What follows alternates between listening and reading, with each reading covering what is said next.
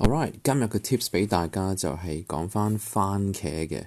嗯，之前咧我都有讲過番茄，番茄咧系一个好劲个诶健康嘅食物啦，可以帮到帮到你减低诶心脏病啦、cancer 啦，亦都系好劲嘅维他命 C 同埋维他命 K 嘅。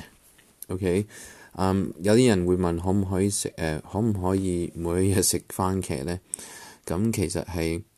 可以嘅，誒番茄你可以日日都食嘅，OK，and 你自己個人嘅身體個 function 啦，都會對你好好嘅，g h t 咁亦都同你講翻番茄個 pH 都係好高，OK，對我哋自己好好嘅，誒，所以啊，如果我哋媽媽有食番茄，is perfect，番茄亦都幫助你自己個皮膚啦，OK，誒你個人個誒。